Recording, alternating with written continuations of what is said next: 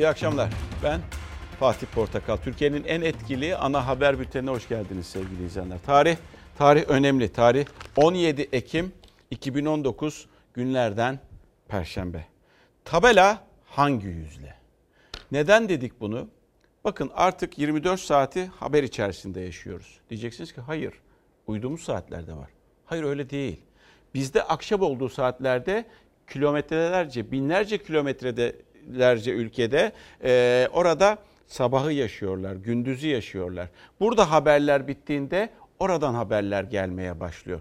Amerika Birleşik Devleti'nden devletlerinden bahsediyorum size. Amerika Birleşik Devletleri ile Türkiye arasında yaşanan gerilimden bahsediyorum. Yeni yeni şeyler çıkıyor. Burada haberi bitiriyoruz, eve gidiyoruz, yemek yiyoruz, çay içiyoruz vesaire. Bir bakıyoruz ki bir iki saat sonra ABD'de bir şeyler olmuş. Bir şeyler paylaşılmış, bir şeyler servis edilmiş, bir şeyler görünüyor veya servis ettirilmiş. Birazdan o önemli mektup olayı, o önemli mektup olayı belki tarihteki o diğer mektuptan sonra ee, Johnson mektubundan sonra belki de şimdi Trump mektubu tarihe geçecek bir hadise aslına bakacak olursanız ama bizim e, gideceğimiz noktalarda var. E, çünkü hem harekatın merkezi var hem de siyasetin, diplomasinin merkezi var. İki yerde de arkadaşlarımız bekliyor sevgili izleyenler.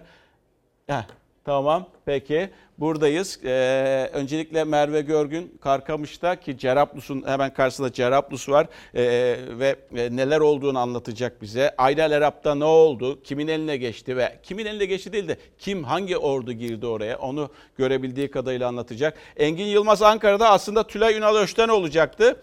Ee, ABD elçiliğinin önünde çünkü orada bir basın toplantısı yapılacaktı. Ne var ki hala da ikili görüşmeler devam ediyor. Temaslar devam ettiği için sarayda bu basın toplantısı Pence ve e, Dışişleri Bakanı Pompeo'nun e, yapacağı basın toplantısı ileri saatlere e, sarkmış görünüyor. O yüzden Engin Yılmaz bizi artık elinde nasıl bilgiler var o bilgilerle bekliyor. Birazdan bağlanacağız onlara ama en önce en önce işte o mektuba geleceğiz. Mektup burada. Dün akşam saatleriydi sevgili izleyenler ve o akşam saatlerinde dün akşam saatlerinde bir mektup düştü. Mektuba aslında kimse inanmadı önce. Çünkü içindeki ifadeler bir devlet başkanının üslubuna yakışacak ifadeler değildi. Bir devlet başkanı bir başka ülkenin devlet başkanına o kadar saygısızca, o kadar terbiyesizce bir mektup yazmıştı ki ister istemez yok canım dediler. Yani böyle bir şey olamaz. Yani böyle bir üslupla yazılamaz. Ama daha sonra daha sonra ortaya çıktı ki gerçekmiş. ABD Başkanı Donald Trump Türkiye Cumhuriyeti Devleti'nin e, Cumhurbaşkanı Recep Tayyip Erdoğan'a bir mektup yazmış. 9 Ekim 2019 tarihinde. Aslında şöyle bir baktığınızda, aslında şöyle bir baktığınızda mektubun geneline sadece Cumhurbaşkanına yazılmış bir mektup değil. Millete, bizlere yapılmış bir hakaret, milletimize yapılmış, Türk milletine yapılmış bir hakaretten bahsediyorduk. Trump bunu anlayabilir mi, anlayamaz mı bilmiyorum tabii ki de. Ama sadece makama değil, sadece bir isme değil, Türk milletine yapılmış bir hakaret mektubuydu bu. O yüzden tarihe geçecek. O yüzden Trump'ın yüz karası olarak hanesine yazılacak. ABD yönetiminin yüz karası olarak tarihlerine geçecek bir mektuptan bahsediyoruz. Peki Türkiye ne yaptı? 9 Ekim'den bu dün sızdı bu. 9 Ekim günü bir operasyon yapılmış. Yani operasyonun öncesinde mi bu mektup geldi, sonrasında mı geldi bilmiyoruz. Şöyle bir açıklama yapıldı saraydan sevgili izleyenler. Biz dedi bunun cevabını operasyon yaparak verdik. Bir de dedi mektubu çöpe attık dediler. Right after that conversation, very powerful letter. Erdoğan'a bu konuşmasının ardından bir mektup yazdım. Etkili bir mektup yazdım. Amerika Başkanı dünya diplomasi tarihine geçecek bir skandalı imza attı. Saygısız ifadeler de içeren bir mektupla Cumhurbaşkanı nezdinde Türkiye Cumhuriyeti Devleti'ni tehdit ettiği ortaya çıktı. O mektubun yazıldığı gün 9 Ekim'de Barış Pınarı Harekatı başladı. Yani Ankara yanıtı sahada verdi. 9 Ekim'de yazılan bu mektup Cumhurbaşkanı Erdoğan tarafından reddedilerek çöpe atıldı. Bu mektuba verilmiş en net cevap 9 Ekim'de başlayan Barış Pınar Harekatı. Terör koridorunu yerle bir edeceğiz. 6 Ekim'de Cumhurbaşkanı Erdoğan Amerika Başkanı Trump'la bir telefon görüşmesi gerçekleştirdi. Erdoğan Türkiye'nin kısa süre içinde harekatı başlatacağını söyledi. 9 Ekim 2019'da saat 16'da harekat başladı. 8. günde Trump dikkat çekici bir açıklama yaptı. Cumhurbaşkanı Erdoğan'a bir mektup gönderdiğini söyledi. Letter, Mektubu görmek isteyen olursa kolaylıkla yayınlanabilir. Dilerseniz yayınlayabilirim. Birkaç saat sonra da Amerika Başkanı tarafından imzalanan o mektup kamuoyuna sızdı. Amerika Başkanı'nın etkili dediği mektup hem içerik hem de üslup açısından skandal. Sorunların bazılarını çözmek için çok çaba sarf ettim. Harika bir anlaşma yapabilirsin. Trump, Türkiye Cumhuriyeti Cumhurbaşkanı'na yazdığı mektuba gel anlaşalım diye başlıyor. Küstah tehditlerde bulunuyor. Gel anlaşalım. Sen binlerce kişinin katledilmesinden, ben de Türkiye ekonomisinin yok edilmesinden sorumlu olmak istemem. Ki bunu yaparım. Size zaten Rahip Brunson konusunda küçük bir emsal vermiştim. Türkiye ile teröristler arasında arabuluculuk teklifi içeren, tehdit dolu ve saygısız ifadelerin yer aldığı seni daha sonra arayacağım diye biten mektubun yazıldığı tarihte çarpıcı. 9 Ekim 2019 yani Barış Pınar Harekatı'nın başladığı gün. Ankara bu mektuba nasıl bir yanıt verdi sorusuna Cumhurbaşkanlığı kaynaklarından açıklama geldi. Bu üslup ve içerikteki mektup rahatsız edici. Bu mektube en etkili uygun cevap 9 Ekim 16'da başlayan harekatla verildi. Yani yapılan açıklamalara göre Trump'ın küstah mektubu harekatın başlama saatinden önce ulaştı. Ankara karşı bir metin kalem almak yerine yanıtın sahada verilmesi gerektiğine karar verdi. O yanıt Cumhurbaşkanı Erdoğan'ın harekat başlasın emriydi. Hedefimiz barış koridorunu inşa etmektir. Yanıt oydu sevgili izleyenler. E, yapılan e, harekatla ilgili. Tabii artık bu mektuptan sonra normal bir insandan bahsetmiyoruz. ABD yönetiminin başındaki insana kimse normal diyemez. Çünkü şu mektup bir yüz karası. Ha biz bazı bölümleri vermedik. Vermedik çünkü bizlere hakaret. Devletimizin başındaki kişiye hakaret, bizlere, Türk milletine hakaret olduğu için vermiyoruz o cümleleri. O onun ayıbı. Ha bu Trump'la birlikte bu mezara kadar gidecek ve tarih bu mektubu da hatırlayacak. Aslında ikinci mektup olarak tabii tarih bunu hatırlayacak. Ya bakar mısınız? Adamın imzası bile bir tuhaf. Bir bakar mısın e, Yunus? Yani bu birebir ölçü, birebir ölçü. Karşımıza normal bir insan yok ve imzası da bu şekilde. Ger bir de hatırlayacaksınız, ilk günden hatırlayacaksınız. Benim eşsiz bilgeliğimin gibi bir ego ego patlaması yaşayan bir insandı. Böyle bir insan ama bir kez daha söylüyorum. Gereken cevap sadece çöpe atılmak olayıyla değil. Çöpe atılmak olayıyla değil. Ben milletin bir bireyi olarak bu normal normal dışı davranan kişiye gerekli cevabın verilmesini isteyenlerdenim. Aynı mı üslup olur, nasıl olur bilemiyorum ama kimse ne Cumhuriyet e, Cumhurbaşkanlığı makamına, kişisine ne de millete bu şekilde hakaret edebilir. Bu yapılan millete hakarettir. Acaba Pence ne dedi veya aralarında nasıl bir konuşma geçti bilmiyorum. Tabii diplomatik dil bambaşka bir şey. İkili ilişkiler tabii ki devam edecek önümüzdeki günlerde ama bu unutulmayacak. Bu adamın yapmış olduğu küstahlık, terbiyesizlik, saygısızlık unutulmayacak sevgili izleyenler. Tarihe de bu mektup bir yüz karası olarak ABD yönetimlerinin bir yüz karası olarak geçecektir. Saklayacağımız evraklardan biri olacak maalesef burada ama normal bir insandan bahsetmiyoruz. Anormal bir insandan bahsediyoruz şu an için. Ve geldik tepkisi bunun ne? Şimdi tabii ya herkes şaşırdı. Ya dün akşam sızdı, sızdırıldı. Demokratlar mı sızdırdı? Onlar arasında da bir tartışma oldu biliyorsunuz Berasarya'da. Kadın çekti gitti demokratlar. İkile, e, e, Trump onu suçladı, o e, Trump'ı suçladı. Onlar arasında da böyle bir e, çekişme var. Enteresan bir günde Amerika içinde, dünya içinde, Türkiye içinde. Dimitri Peskov'dan bir açıklama geldi. Tabii R- Putin'in sözcüsü onlar da şaşırdılar. Yani bu nasıl bir usluptur filan gibilerinden. Mektup aşırı derecede garip bir dile sahip. Yani ya kibar aslında. Anormal demek istiyor da kibar ve garip bir dile. Garip gerçekten garip. Ha, Türkiye'ye peki ne diyor? Şimdi Suriye politikasının bugünkü geldiğimiz noktada mimarı sayılan kişi Ahmet Davutoğlu önümüzdeki günlerde e, parti e, çalışması içerisinde ve kuracağı da bahsediliyor. Bugün yarın eli kulağında gibi. ABD seyahati iptal edilmeli dedi. Mesaj aslında Cumhurbaşkanlığına gidiyordu. Ve 13 Kasım'da e, ABD ziyaretini kastediyordu. Ve ana muhalefet partisi. Ana muhalefet partisi CHP de hakaretin muhatabı Türkiye Cumhuriyeti'dir dedi. Bu kağıt parçasının muhatabı Adalet ve Kalkınma Partisi Genel Başkanı Erdoğan değildir. Türkiye Cumhuriyeti Devleti'dir. Türkiye Cumhuriyeti Devleti böyle bir hadsizliği küstahlığı hiçbir zaman kabul etmemiştir, etmemelidir. Johnson mektubunun ve Obama'nın beyzbol sopalı fotoğrafının da ötesinde bir nezaketsizlik örneği olan bu seviyesiz mektubu kaleme alanlar Türk milletini incitmiştir. Bu mektubun muhatapları mahcup olmalıdır. Amerika Başkanı Trump'ın tehdit içerikli, saygısız ifadeler barındıran mektubuna iktidar cephesinden sert bir tepki yok ama muhalefet tepkili. Hem mektubun içeriğine hem de Erdoğan'ın sessizliğine. Türkiye Cumhuriyeti'nin Cumhurbaşkanı'na yazılmasını biz yakıştıramıyoruz. Recep Tayyip Erdoğan kendine yakıştırıp da susuyorsa susmaya devam etsin. Sayın Cumhurbaşkanı'nın şahsında Türk milleti ve devleti rencide edilmiştir. Özür dilemediği takdirde Amerika ziyareti acilen iptal edilmelidir. Trump küstah mektubu 9 Ekim tarihinde gönderdi Ankara'ya. Yani harekatın başladığı gün.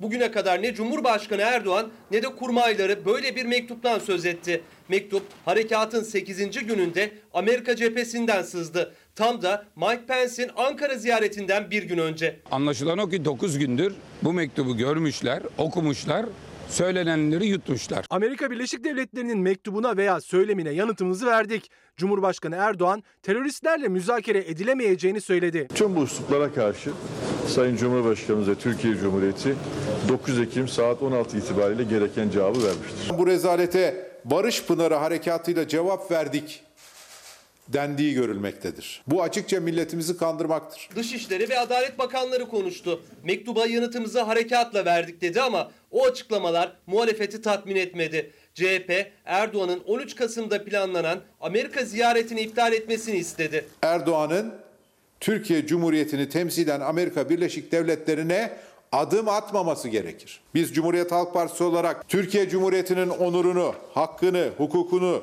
şanını, şerefini korumak için bundan sonra da yanında oluruz. ABD Başkanı Trump'ın Cumhurbaşkanı Erdoğan'a gönderdiği mektup aşırı derecede garip bir dile sahipti. Bu tür bir dil genelde devlet başkanları tarafından kullanılmaz. Putin'in karargahından da mektuba ilişkin diplomatik dile uymuyor açıklaması geldi. Gözler en çok da Cumhurbaşkanı Erdoğan'ın yapacağı açıklamada.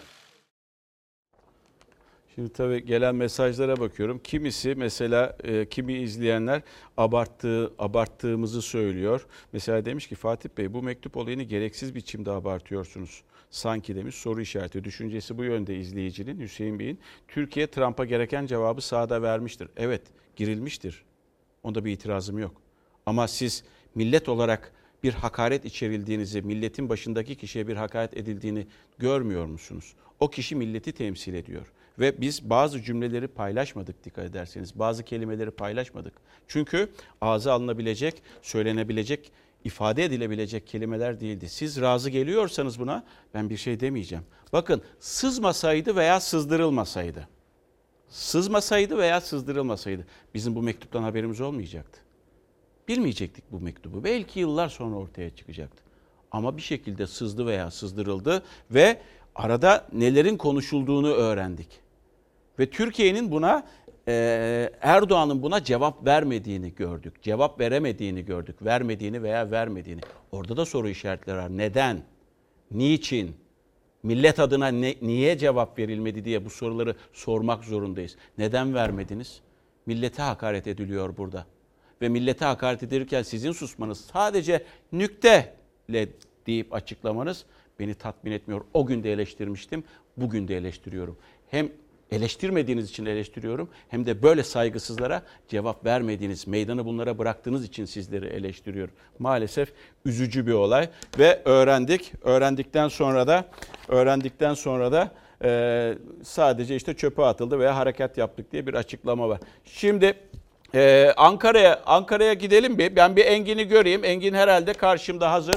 Engin karşıda. Ee, Engin'cim merhaba. Çok uzun geceler yaşayacağız belli. Çünkü bizde gün içerisinde haberler dönüyor. Ardından e, bizde haberler bitiyor. Amerika'dan haberler gelmeye başlıyor ve biz bunları e, daha epey bir süre, daha epey bir süre bunları yaşayacağız gibi. Umarım bundan sonra bu saygısızlıklar olmaz. Ankara'da da uzun bir gece var. Şimdi birazdan e, haberi izlettireceğim. Ardından da sana geleceğiz Engin. Çünkü Erdoğan-Pence görüşmesi var. Erdoğan-Pence görüşmesi neler oldu, neler etti o bir detayı vereceğiz. Detayı verdikten sonra senin bize o kapalı kapılar ardında diyoruz ya e, neler oldu? Özür mü bu mektup nerede? Mektup burada. Mektup için özür mü dilediler? Veya iki güne kadar işgal diyorlardı. E, e, işgalden vaz mı geçtiler? Veya e, insan hakları diyorlardı. Yüz, yüz yüze geldiklerinde neler söylediler? Onların cevaplarını almaya çalışacağım. Ancak seni bir iki dakika daha orada bekletiriyorum. Çünkü önemli. İşte şimdi ve sevgili izleyenler şeye gelelim. E, Pence Erdoğan görüşmesine gelelim. Pence Erdoğan görüşmesinde çünkü sonucu herkes merak ediyor. Biraz ertelendi. Aşağı yukarı bir saat kadar geç başladı. Böyle e, tokalaşmış ellerin fotoğrafı vardı ama onlar beni ilgilendirmiyor. Sizi de ilgilendirmesin. Sonuç bizi ilgilendiriyor. Mr. President. Welcome. Thank you. Thank you for seeing me. Seni kabul ettiğin için teşekkür ediyorum. Dünyanın gözünü çevirdiği buluşma böyle başladı ve planlanandan çok daha uzun sürdü. 10 dakika öngörülüyordu. 1 saat 40 dakika konuştu Cumhurbaşkanı Erdoğan ve Amerika'nın iki numarası Pence. O zirve bitti. Bu kez heyetler arası görüşmeye geçildi. Türkiye ve Amerika Barış Pınar Harekatı'nı, Trump'ın harekatı durdurma çağrılarını, güvenli bölge için atılması gereken adımları, yaptırım tehditlerini masaya yatırdı. Pence ve Erdoğan arasındaki görüşme başarılı olmazsa Türkiye'ye uygulanacak yaptırımlar yıkıcı olacak. Amerika Başkan Yardımcısının Ankara ziyareti öncesi Trump yine tehditkar sözlerini sürdürdü. Pence, Türkiye'nin harekatı durdurması çağrısıyla yola çıktı. Size bir teklifimiz var bu gece. Tüm teröristler silahlarını, malzemelerini, her şeylerini bırakıp kurdukları tuzakları imha edip belirlediğimiz güvenli bölgeden dışarı çıksınlar. Cumhurbaşkanı da Pence yapacağı görüşme öncesi Ankara'nın teklifini açıkladı. Artık gözler Beştepe'de yapılacak zirveye çevrildi. Görüşmenin saati 14.30 olarak açıklanmıştı. Ardından 15'e alındı ama 15.40'da başladı. Yani 1 saat 10 dakikalık gecikmeyle. Mr. President. Welcome. Thank you. Thank you for seeing me. Başkan yardımcısı Mike Pence, beni kabul ettiğiniz için teşekkürler dedi Cumhurbaşkanı Erdoğan'a. Yanında Suriye özel temsilcisi Jeffrey vardı. Erdoğan'ın yanındaysa İbrahim Kalın. Merhaba Başkanım, Çok iyiyim sağ olun efendim. Pence gergin, Cumhurbaşkanı Erdoğan rahattı. Görüntülerin yanı sıra bazı fotoğraf kareleri de paylaşıldı. Dev Atatürk portreli fotoğraf karesi çarpıcıydı. Türk milletinin mazisinde teslim olma seçeneği asla olmamıştır. Biz de yapmamız gerekeni yaptık. Ya istiklal ya ölüm diyerek devletini kurmuş bir millete başka türlüsü zaten yakışmaz. Cumhurbaşkanı Erdoğan'la Pence'in görüşmesi beklenenden uzun sürdü. 1 saat 40 dakika baş başa görüştü ikili. Ardından heyetler arası görüşmeye geçildi. Cumhurbaşkanı Erdoğan ve Pence masanın başında heyetler karşılıklı. Türkiye tarafında Fuat Oktay, Mevlüt Çavuşoğlu, Berat Albayrak, Trump'ın yaptırım listesine aldığı Hulusi Akar ve Genelkurmay Başkanı Yaşar Güler vardı. Amerika tarafındaysa Dışişleri Bakanı Pompeo, Ulusal Güvenlik Danışmanı O'Brien, Suriye Özel Temsilcisi Jeffrey ve Büyükelçi Satterfield. Amerika Dışişleri Bakanı Pompeo ile Cumhurbaşkanı Erdoğan'ın gülüştüğü anlar dikkat çekti. Heyetler arası görüşmede de Barış Pınar Harekatı güvenli bölgenin tesisi Ankara'nın kırmızı çizgileri konuşuldu. Cumhurbaşkanı olası yaptırım adımlarına karşı tepkisini de dile getirdi. Şimdi e, sevgili izleyenler Engin karşımızda aslında Tülay Tü- Tülay Ünal Öçten olacaktı. Çünkü bu toplantı bittikten sonra öyle hesap edilmişti. İkili buradan çıkacak. Pence ve e, Pompeo oradan çıkacak. Saraydan çıkacak. Büyükelçilik rezidansına gidecek. ABD Büyükelçiliği rezidansına gidecek. Orada 100 kadar gazeteci var. Orada basın açıklaması veya soruları cevaplayacaklar. Ve esas onların söyledikleri değil sorulara verecekleri cevaplar önemliydi. Hala da e, saraydan çıkılmadı ve o yüzden de Engin burada. Engin ne oluyor? Ne çıkacak? Şimdi ne çıkacağını bilmiyoruz yani bu konuda yorum yapmak zor ama uzun bir uzun süren bir görüşme. Şimdi e, Ankaralı gazetecilerin gözleri bu tarz görüşmelerde, kritik zirvelerde hep dakikadadır. Yani ne kadar sürdü? Bir saat sürdü, bir saat 10 dakika sürdü, bir saat 40 dakika sürdü. Şimdi toplama baktığımızda 3 saat 40 dakikalık bir görüşme var Fatih Portakal. Yani bu e, hani diplomatik görüşmeleri bugüne kadar yapılanları göz önüne aldığımızda çok uzun sayılabilecek bir görüşme. 1 saat 40 dakika Cumhurbaşkanı Erdoğan Mike Pence'le baş başa görüştü. 17.20'de heyetler arası görüşmeye geçildi. E, şu an saat 19.20 2 saatte heyetler arası görüşme sürüyor e, de ve devam ediyor. Şimdi e, 16.45 gibi Mike Pence'in Amerikan Büyükelçiliği rezidansında bir açıklama yapması öngörülüyordu. Buradan anlıyoruz ki aslında Amerika tarafı da e, Ankara'da sarayda külliyede yapılacak görüşmenin çok uzun sürmeyeceğini planlamış. Yani çünkü karşılıklı anlaşılamayan konular ya da başlıklar hani bu kadar uzun sürmeyeceğini planlamışlar ki e, saat 16.45'e bir açıklama koymuşlardı ki 15.30'da gazetecileri içeri aldılar ve saatlerdir gazeteciler de içeride bekliyor. Şimdi bu uzun sürmesi demek görüşmenin belli ki e, zaten konular belli, konuşulan konular belli ama bir müzakere yürütülüyor. Yani kestirip atılan bir şeyler olmadığını buradan anlıyoruz. Engin Şimdi, bu mektup e, için haberimizde ne, de vardı. Engin bu mektup için ne diyorlardır mesela?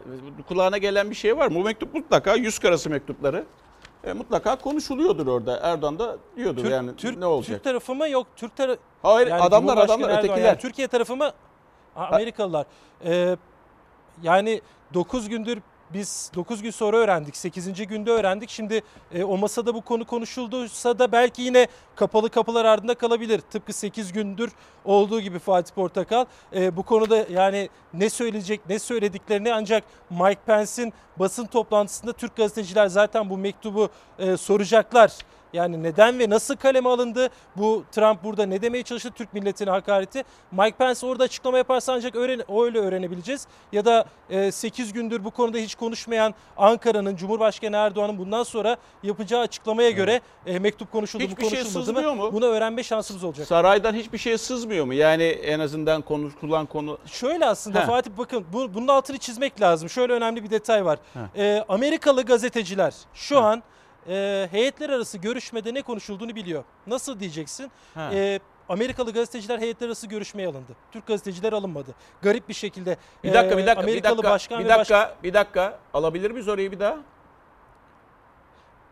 Amerikalı gazeteciler e, embedded ifadesi kullanılır, iliştirilmiş gazetecilik.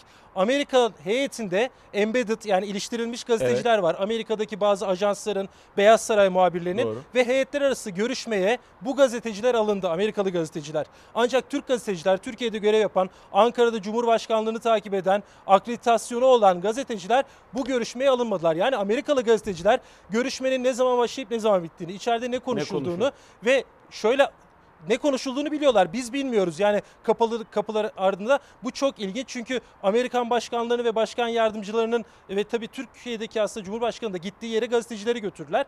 Ama Amerikalı heyet gazeteci heyeti şu an Beştepe'deki o heyetler evet. arası görüşmede e, içeriye alındı. Cumhurbaşkanlığı basın birimi de alındı. Ama onun dışında e, haber kanalları, özel kanalların e, muhabirleri, kameramanları içeriye alınmadı. Misilleme yapılabilir gazeteciler... de en azından Türk gazeteciler de içeri alınıp e, orada neler kaynaklandı. Çünkü bu güvenilmez bu Amerikalılara.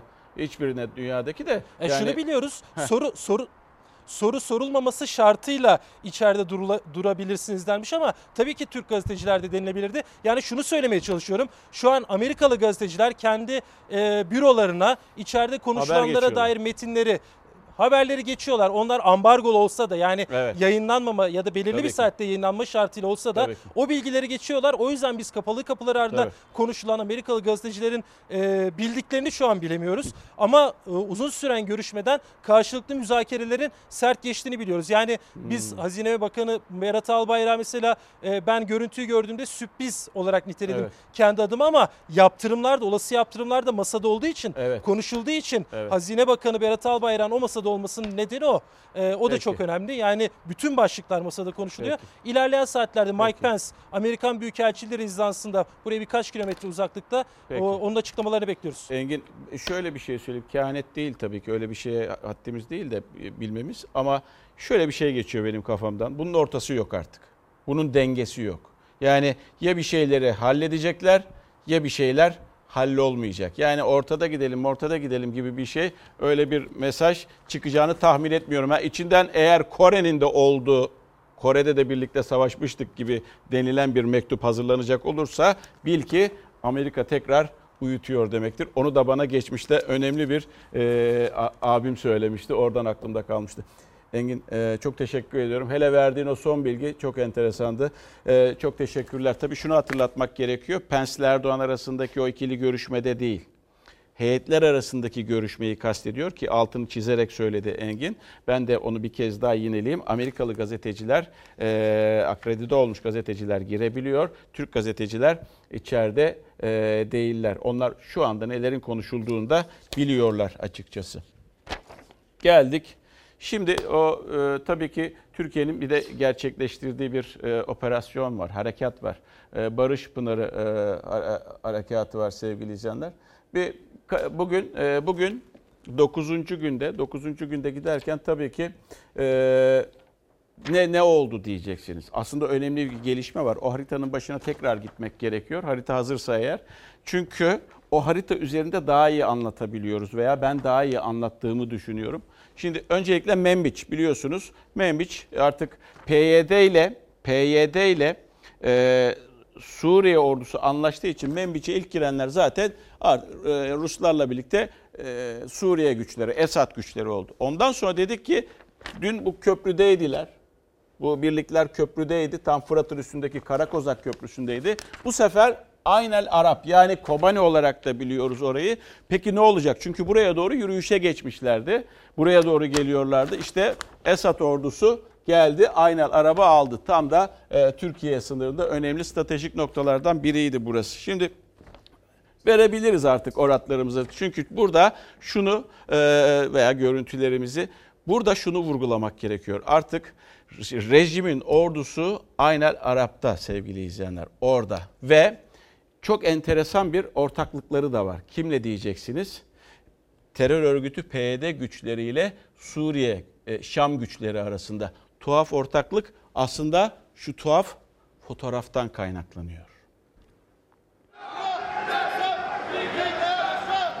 Rejimin SDG ile herhangi bir anlaşması olduğuna ihtimal vermek istemiyorum. Zira burayla ilgili bizim Rusya ile daha önce bir anlaşmamız var. Zaten Sayın Putin'le bir araya geldiğimizde o haritaları, bunların Türkçesi, Rusçası hepsi var. Kendilerinin önüne süreceğiz.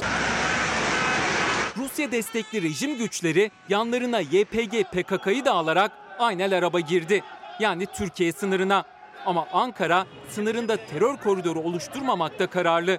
İşte bu nedenle Cumhurbaşkanı Erdoğan 22 Ekim'de Putin'le görüşecek. Membiç ve Aynel Arap'la ilgili haritalar da o masada olacak. Bizim zaten özellikle Membiç'te olmak diye bir derdimiz yok. Bizim tek derdimiz var. O da şudur. Ama Rusya ama rejim buradan terör örgütü YPG'yi, PYD'yi buradan çıkarmalarıdır. Bölgede geçen her dakika yeni bir gelişmeyi de beraberinde getiriyor. İki gün öncesine kadar Amerikan askerlerinin olduğu Membiç ve Aynel Arabı birbirine bağlayan Karakozak Köprüsü üstünde dün Rus askerleri vardı. Onların kontrolündeki rejim güçleri gece saatlerinde Kobani yani Aynel araba girdi. Terör örgütü elebaşı Öcalan'ın posterini taşıyan bir grupla birlikte. Dün buradaydık ve buraya yoğun bir şekilde top atışı yapılıyordu terör örgütüne yönelik. Ama bugün terör örgütü Rusya'nın da desteğiyle Esad rejimini yanına aldı ve dün vurulan bölgeye birkaç kilometre aralıklarla Rusya ve Suriye bayrağı asıldı. Rejimle anlaşarak, Rusları yanlarına alarak orada yeni bir oyun kurmaya çalışıyorlar. Ee, bunun gerçekleşmeyeceği çok açık. Esad rejimine bağlı Suriye ordusunun Membiç'ten sonra yönünü çevirdiği yer işte hemen arkamızda Fırat'ın doğusundaki Aynel Arap kritik M4 karayolunu bağlayan Karakozak Köprüsü'nü kullanarak sınırımızın yanı başına kadar geldi Esad rejimi. Böylece 7 yıl sonra yeniden Aynel Arap'ta Suriye rejimine ait bayrak yükseldi. Türkiye Rusya destekli rejim güçlerinin Aynel Arap ve Membiç'te olmasından rahatsız değil. Ama tek bir şartla bölge terör örgütünden temizlenecek. Hangi şekilde olursa olsun. Rusya, Şam ve Ankara arasında mesajları iletiyor. Eğer Rusya, YPG unsurlarını Suriye ordusu eşliğinde bölgeden çıkartırsa buna karşı çıkmayız.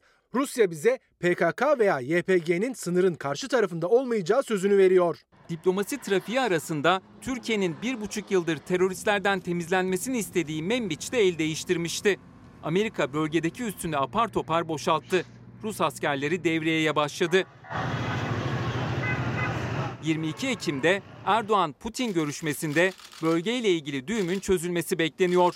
Ama öncesinde Cumhurbaşkanlığı Sözcüsü İbrahim Kalın, Rusya'nın Suriye özel temsilcisi ve beraberindeki heyetle bir araya geldi. O görüşmenin nasıl ve nerede yapılacağı merak ediliyordu.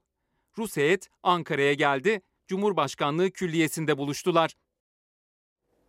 Bu da çok enteresandı. Rus özel temsilcisi Putin'in e, Rus Suriye özel temsilcisi Ankara'ya geldi. Şey e, Amerikalılardan önce görüşmesini de yaptı. Bu da günün önemli bir gelişmesiydi. Çavuşoğlu O'Brien'le görüştü. Hulusi Akar O'Brien'le görüştü. Yani görüşme üstüne görüşme. Putin Erdoğan görüşmesi 22 Ekim'de. O da aklınızda e, bulunsun. Bu arada işte tuhaf ortaklık böyle devam ediyor. Bu ama kopar. Eninde sonunda kopar. Böyle gidilebilecek durum değil yani bu sürdürülebilir sürdürülebilecek bir durum değil. Arada zaten Rusya var.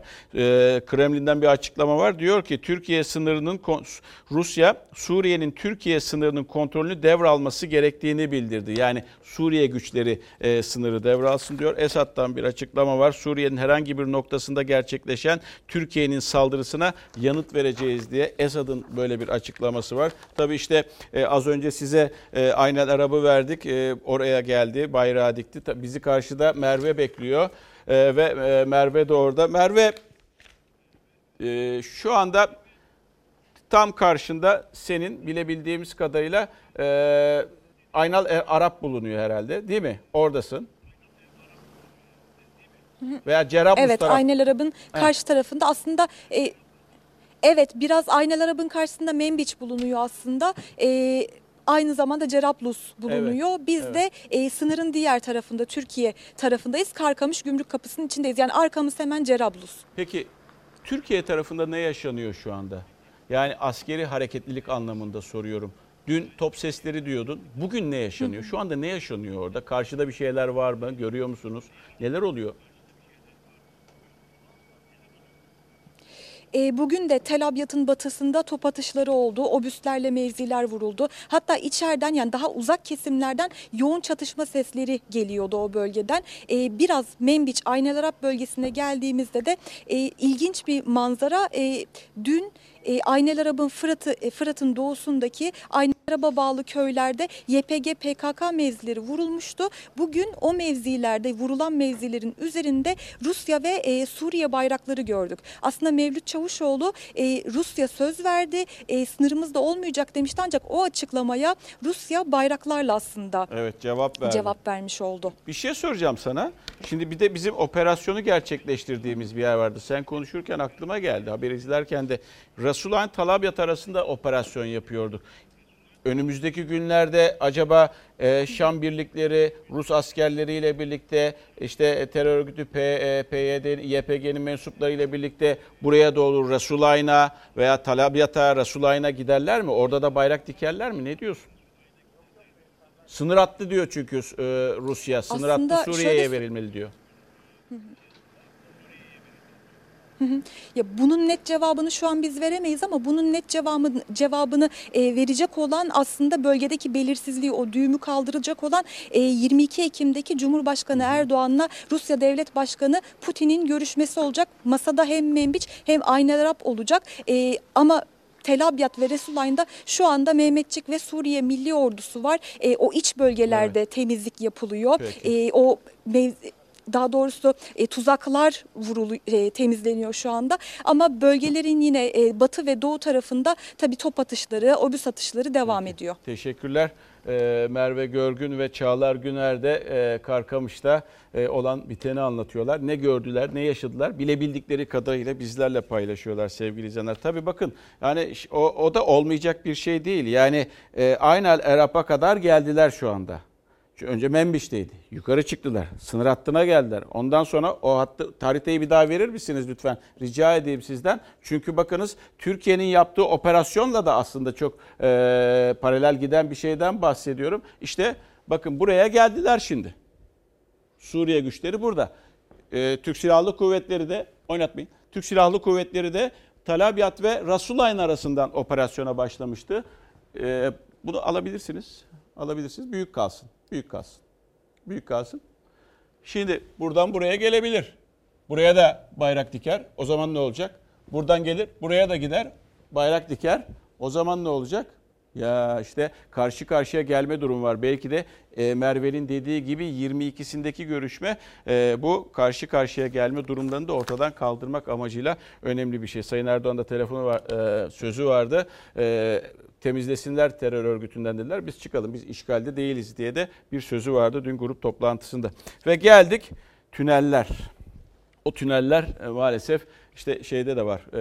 E, Sınırın öteki tarafında da var. Ve asker e, tünellerle bir bakıma e, Resulayn'a mücadele ediyor. Çünkü tünellerde saklanıyorlar.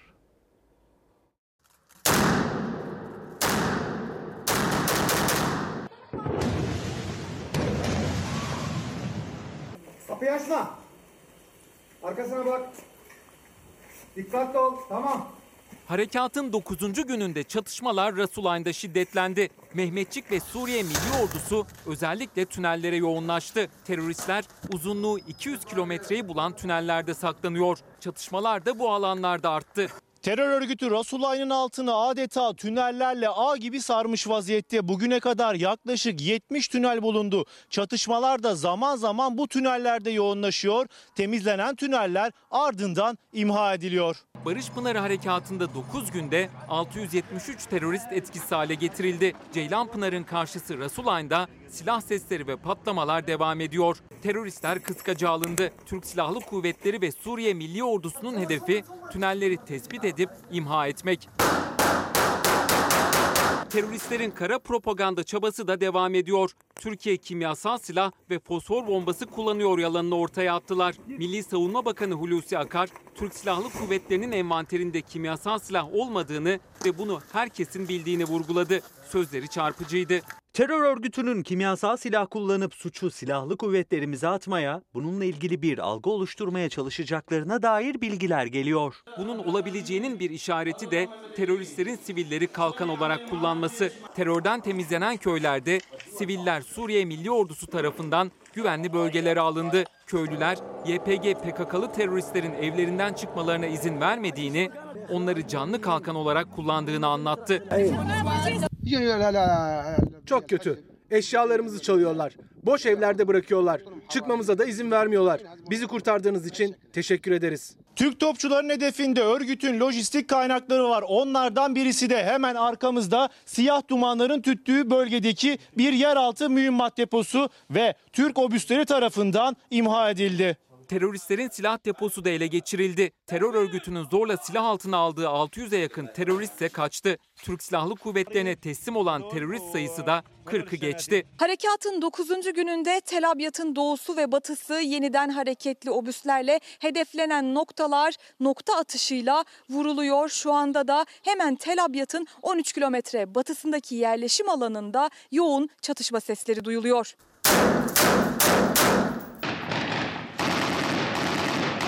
Tel Abyad'da da teröristler kaçmaya başladı. Kaçarken sivillerin evini yaktılar. Binalar büyük zarar gördü, eşyalar kül oldu.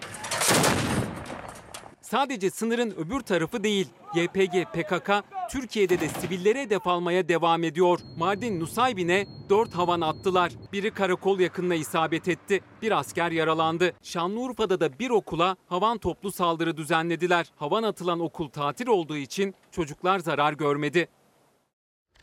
Bu arada İncirlik'te kullanılıyor. Ee, de e, harekata destek var. O uçakların fotoğrafları, kalkan uçakların fotoğrafları paylaşıldı. Tabii bunlar Türk jetlerinden bahsediyoruz. F-16'lardan bahsediyoruz. Onlar da Barış Pınarı harekatına e, destek veriyorlar. Bu arada az önce Engin'in söylediği haber ses getirdi. Yani heyetler arası toplantılarda da Amerikalı gazetecilerin olduğunu biliyoruz, duyuyoruz dedi. Heh, hemen bir açıklama geldi. O açıklama da şu. O heyetler arası toplantıda değil Amerikalı gazetecilerden de o gizli yapılıyor dendi. Sadece şu heyet toplantısı var ya şu, şu heyet toplantısı orada fotoğrafçılar vardı görüntüler çekiliyordu. İşte o görüntülere Amerikalı gazeteciler katıldı açıklaması geldi. Ha Pence Ha, Pence özellikle Amerikalı gazetecilerin buraya girmesini istemiş. Arka arkaya geliyor. Helal olsun Engin'e. Ee, ve arka arkaya e, bu açıklamalar geliyor. Pence özellikle Amerikalı gazetecilerin buraya girmesine, görüntü almasını istemiş. İki, ke- iki kez Erdoğan'a söylemiş, rica etmiş kendisinden. Ee, Türkiye'den de Cumhurbaşkanlığı İletişim Dairesi'nden yetkili girdi. O görüntüleri paylaştı. Gizli görüşmelerde yok, bulunmuyorlar açıklaması da geldi. Engin Yılmaz helal olsun sana. Şimdi e, mesaj okuyayım. Kimileri, kimileri e, aslına bakacak olursanız Trump'ın o sızdırılan ve açıklanmasaydı, sızmasaydı duyamayacağımız olan sözlerini çok basitmiş gibi görüyor ve e, çöpe atıldı diyor. İşte gereken cevap verildi gibi açıklamalar da var bunlar. Eğer siz bunu içinize sindirebiliyorsanız benim diyecek başka bir sözüm yok. Burada gelen mesajlar var maalesef. Bakın burada milletin onuru söz konusu. Türk milletinin onuru, yurttaşlarının onuru e, çok çok önemli. Yoksa partiymiş, oymuş buymuş o değil. Türk milletinin onurundan bahsediyoruz. Ve tabii e, bu arada ekonomi aslında en önemli konulardan biri. Ama en önemlisi başka meseleler. Ekonomide çok konuştuğumuz konu. Yeni vergiler yolda mı? Aslında yolda da biz yine de soruyu soralım dedik. 2020 yılında biliyorsunuz %5 büyüme öngörüyoruz.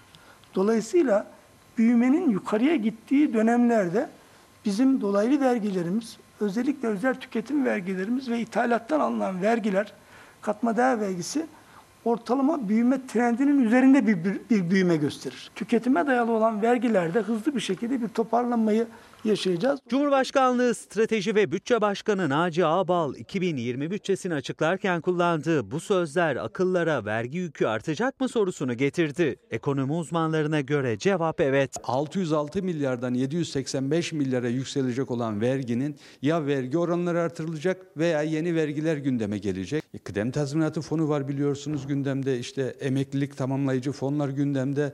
Yani topluma sadece vergi değil, vergi dışı da zorunlu tasarruf yaptıracak uygulamalar gündeme gelecek. 2020 bütçe kanun teklifinin meclise sunulacağı gün kameraların karşısındaydı Naci Abal. Bütçe giderleri 1 trilyon 95,5 milyar lira, gelir 956,6 milyar lira, bütçe açığı 138,9 milyar lira olarak öngörüldü.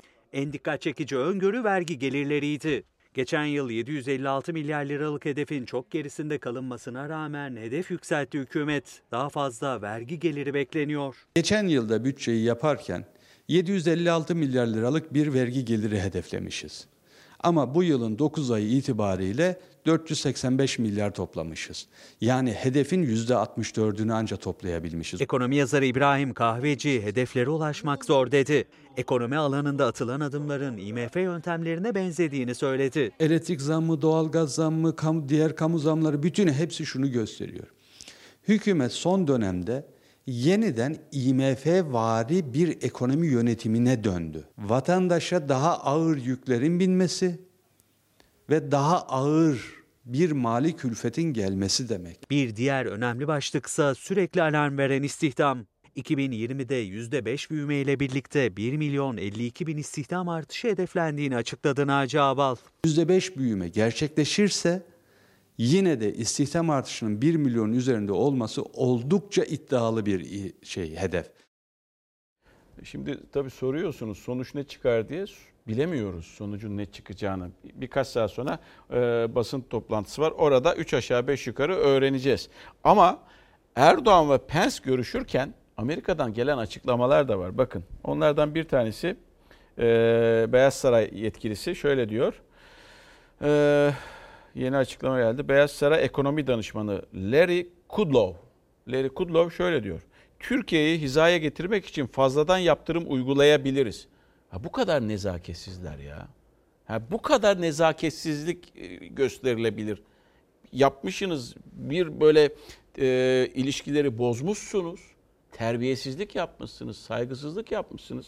Buraya bir şekilde gelmişsiniz. Sizi karşılıyorlar ve Larry Kudlow ekonomi danışmanı çıkıyor. Diyor ki Türkiye'yi hizaya getirmek için fazladan yatırım uygulayabiliriz. Hala bir tehdidin içerisindeler maalesef. Ya işte biz de kapatalım ya ne kaybedeceğiz artık bu aşamadan sonra. İncirlik var, kürecik var vesaire. Git kardeşim defol buradan ya. İstemiyoruz seni. Git. İlişkileri sen bozdun, biz bozmadık gibilerinden. Bu arada e, e, bir şey söyleyeceğim. Bu önemli aslında. E, bu haber, haber yok ama bilgilerini paylaşacağım. Yargı paketi yasalaştı. E, istinafla ke- kesinleşen ifade özgürlüğüyle ilgili 5 yılın altındaki suçlara Yargıtay'dan temiz yolu açılıyor. Uzun tutukluluk süreleri kısaltılıyor. Yargı süreçlerini hızlandırmak amacıyla duruşmasız yargılama yapılabilecek. Ancak e, seri yargılamaya suçunu itiraf eden faile seri yargılamayla suçunu itiraf eden faile ceza indirimi uygulanacak. Ancak ancağı var bunun. Seri yargılama, terör suçları, şiddet ve cinsel suçlarda geçerli olmayacak. Düzenlemeye göre internet erişiminde sitenin tamamına değil şikayet konu olan unsura e, yasak getirilecek. De, ifade özgürlüğü genişletiliyor. KYK ile ihraç edilen pasaportları haklarında bir soruşturma yoksa İçişleri Bakanlığı'nın onayıyla iade edilecek. 15 yıllık avukatlara yeşil pasaport verilecek. Reklam. Kapatıyoruz sevgili izleyenler. Bizden hemen sonra çok izlenen dizi her perşembe Mucize Doktor yeni bölümüyle ekranlara gelecek izleyebilirsiniz. Yarın daha mutlu, daha huzurlu, daha güvenli bir dünya ve tabii ki Türkiye'de buluşmak umuduyla. Hoşçakalın. İçin bir başkadır benim